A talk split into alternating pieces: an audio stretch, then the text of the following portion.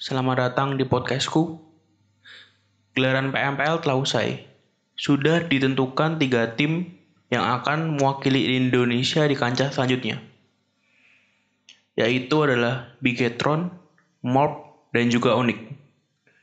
Untuk ke-21 tim yang telah mengikuti regular season maupun grand final, aku ucapkan terima kasih atas performanya dan good luck buat turnamen selanjutnya. Judul hari ini Dream Team PUBG Indonesia. Dari gelaran PMPL kita bisa melihat banyak pemain yang bermain dengan sangat memukau. Dan kali ini aku akan menjabarkan komposisi Dream Team PUBG M Indonesia versi aku. Dalam Dream Team versi aku ini, aku hanya akan mengambil satu pemain dari satu tim. Oke, langsung kita mulai aja. Pertama ada Ryzen dari Bigetron. Salah satu pemain paling barbar di Indonesia. Ya, walaupun jika kita bilang pemain yang barbar, kita cukup setuju bahwa Bigetron itu semua pemainnya barbar. Ryzen punya M yang sakit. Dia juga galak ketika mau nabrak. So, menurutku Ryzen adalah pilihan paling baik untuk pilihan pertama. Awalnya aku ingin memasukkan si kembar Tajibana, Luxi dan Zuxi. Tapi jika aku memakai aturan satu tim satu main dan aku mengambil salah satu dari keduanya, maka kayaknya nggak fair ya, karena bisa dibilang si kembar ini nggak bisa nggak bisa dipisahkan. Jadi pilihan terbaik memang mengambil Ryzen daripada si kembar Tachibana. Jika melihat dari aturan yang aku buat di mana satu tim satu pemain. Oke, okay, next Red Face. Red Face sampai podcast ini dibuat dia masih pemain dari Red Rocket ya. Red Face ini salah satu pemain yang tiba-tiba mukau entah dari mana asalnya tiba-tiba dia ada dan mukau banyak tim dan penonton permainannya galak M-nya sakit setup Red Rocket selalu mem memposisikan Red Face sebagai ujung tombak ketika nabrak dan Red Face cukup sering menjadi last man standing dari Red Rocket dan dia juga memberikan posisi terbaik bagi Red Rocket ketika dia menjadi last man standing. Red Face ini juga masih muda, prospeknya ke depan juga masih bagus. So, menurutku cocok lah untuk menjadi mengisi posisi uh, mengisi urutan kedua dari Dream Team PUBG M ini versi aku ya. Oke, okay. Next ada Liquid. Pemain Bigetron yang ketika PMPL kemarin dipinjamkan ke NFT. Salah satu sniper terbaik juga di Indonesia. Jika kita melihat gelaran PMPL di regular season maupun di grand final, kita pasti akan pernah melihat sniper si Liquid ini mengkenok ataupun mengkill seorang pemain.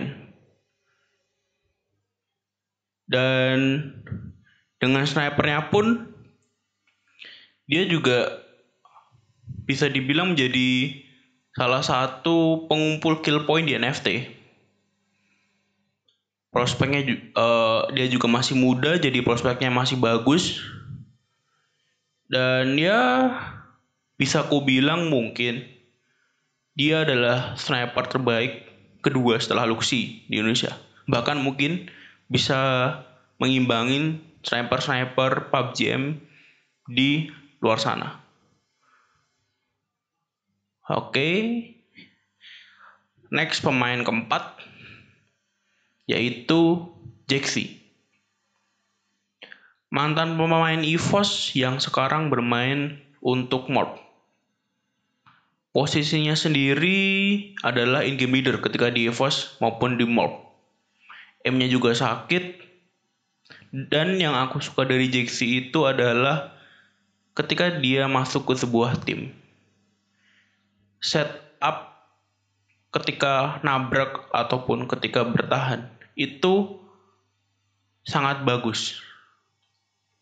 Ketika di EVOS kita bisa setuju bahwa pada saat Jaxi masih di EVOS, EVOS ini terkenal dengan tim yang kuat ketika engage 4 lawan 4.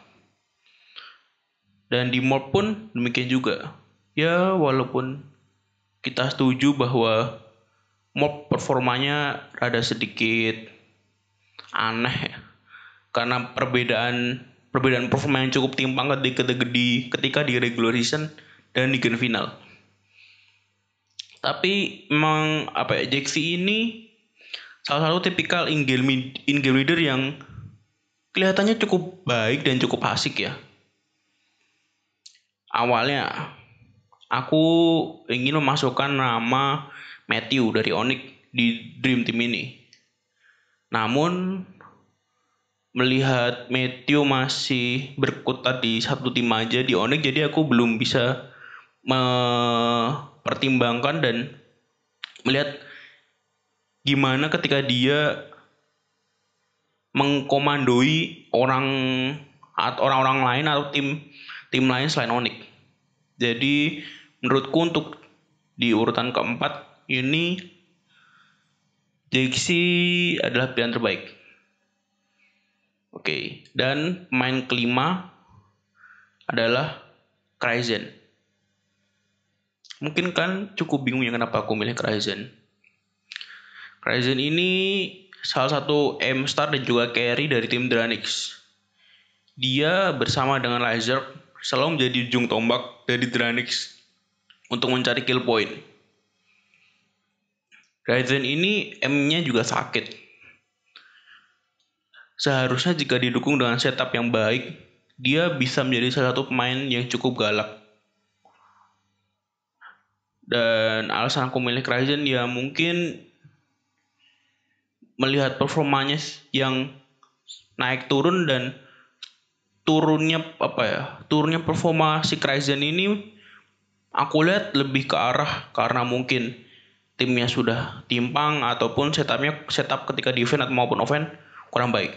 Mungkin kalau menurut pribadi aku sendiri seharusnya jika Kryzen dimasukkan ke sebuah tim yang memiliki setup yang baik dan chemistry yang baik juga dia bisa lebih bersinar. Uh, tapi aku nggak bilang bahwa Titanic itu bukan tim yang chemistry jelek juga ya. Tim timnya juga bagus.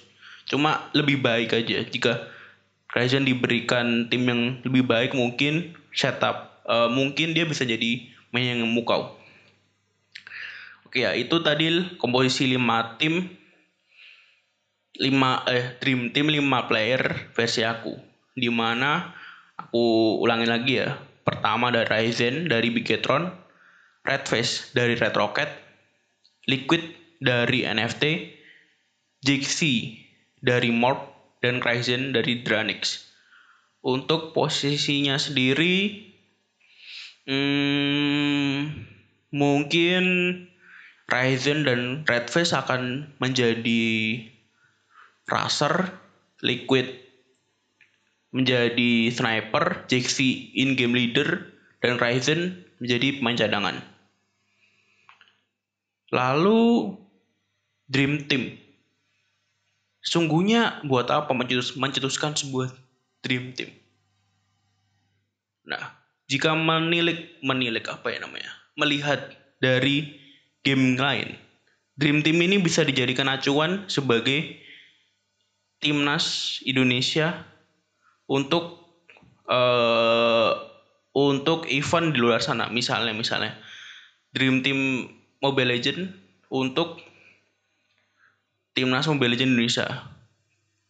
Yang kita tahu timnas Mobile Legend Indonesia ketika di gelaran SEA Games kalau nggak salah mendapatkan medali perak. Dan juga ada timnas AOV dan sebagainya. Tapi gimana ya?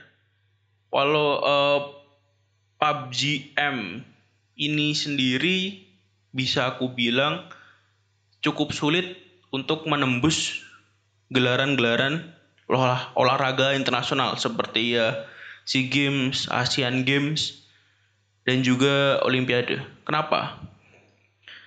Salah satu petinggi Olimpiade itu pernah bilang bahwa mereka tidak akan memasukkan game-game bertema FPS maupun Battle Royale ke dalam divisi uh, bukan divisi cabang e-sport yang akan dipertandingkan. Uh, mereka katanya tidak tidak prefer game-game yang apa ya bisa dibilang saling membunuh dan saling membunuh dan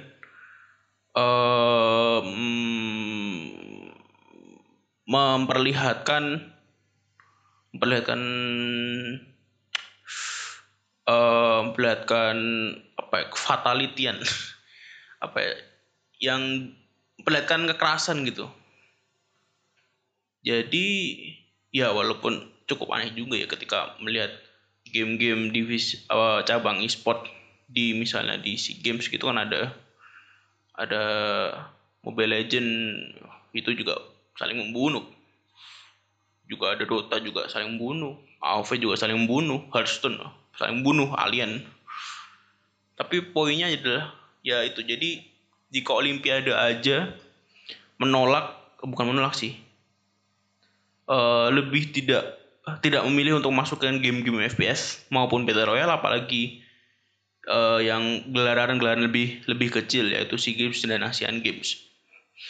Maka dari itu kecil kemungkinan ad, adanya adanya timnas PUBG M Indonesia. Kecil kemungkinan untuk gelaran-gelaran olahraga besar seperti itu. Tapi jika kita melihat di game sebelah bukan game sebelah ya apa yang namanya nyebutnya? Game PUBG PC lah ya enggak. Game PUBG PC PUBG PC itu ada satu event yang kalau nggak salah baru diadakan sejak tahun lalu sejak tahun lalu kali ya. Itu adalah PUBG Nations Cup. PUBG Nations Cup ini event kompetisi PUBG yang membawa nama negara. Nah, mungkin mungkin si uh, Tencent pembuat PUBG mungkin bisa lah mencontoh dari event PUBG Nations Cup ini buat membuat uh, kompetisi paling besar yang membawa nama negara dan ya kalau bisa komposisi pemainnya bukan sebuah tim aset tim tapi komposisi kumpulan pemain-pemain terbaik di negara tersebut asik sih melihatnya karena kita bisa melihat pemain-pemain yang di kompetisi lokalnya musuh lalu ketika maju ke tingkat internasional dan membawa nama negara mereka jadi satu tim cukup lucu tapi eh cukup lucu dan asik melihatnya oke okay. It, mungkin itu aja pembahasan Dream Team PUBG M Indonesia versi aku Maaf jika mungkin suaranya masih nggak jelas ataupun ada masalah-masalah yang mungkin kalian dengarkan tentang eh, di podcast ini. Jika ada kritik dan saran bisa langsung DM ke IG yaitu @priadi underscore hippo. Kurang lebihnya mohon maaf. Thanks for coming and see ya.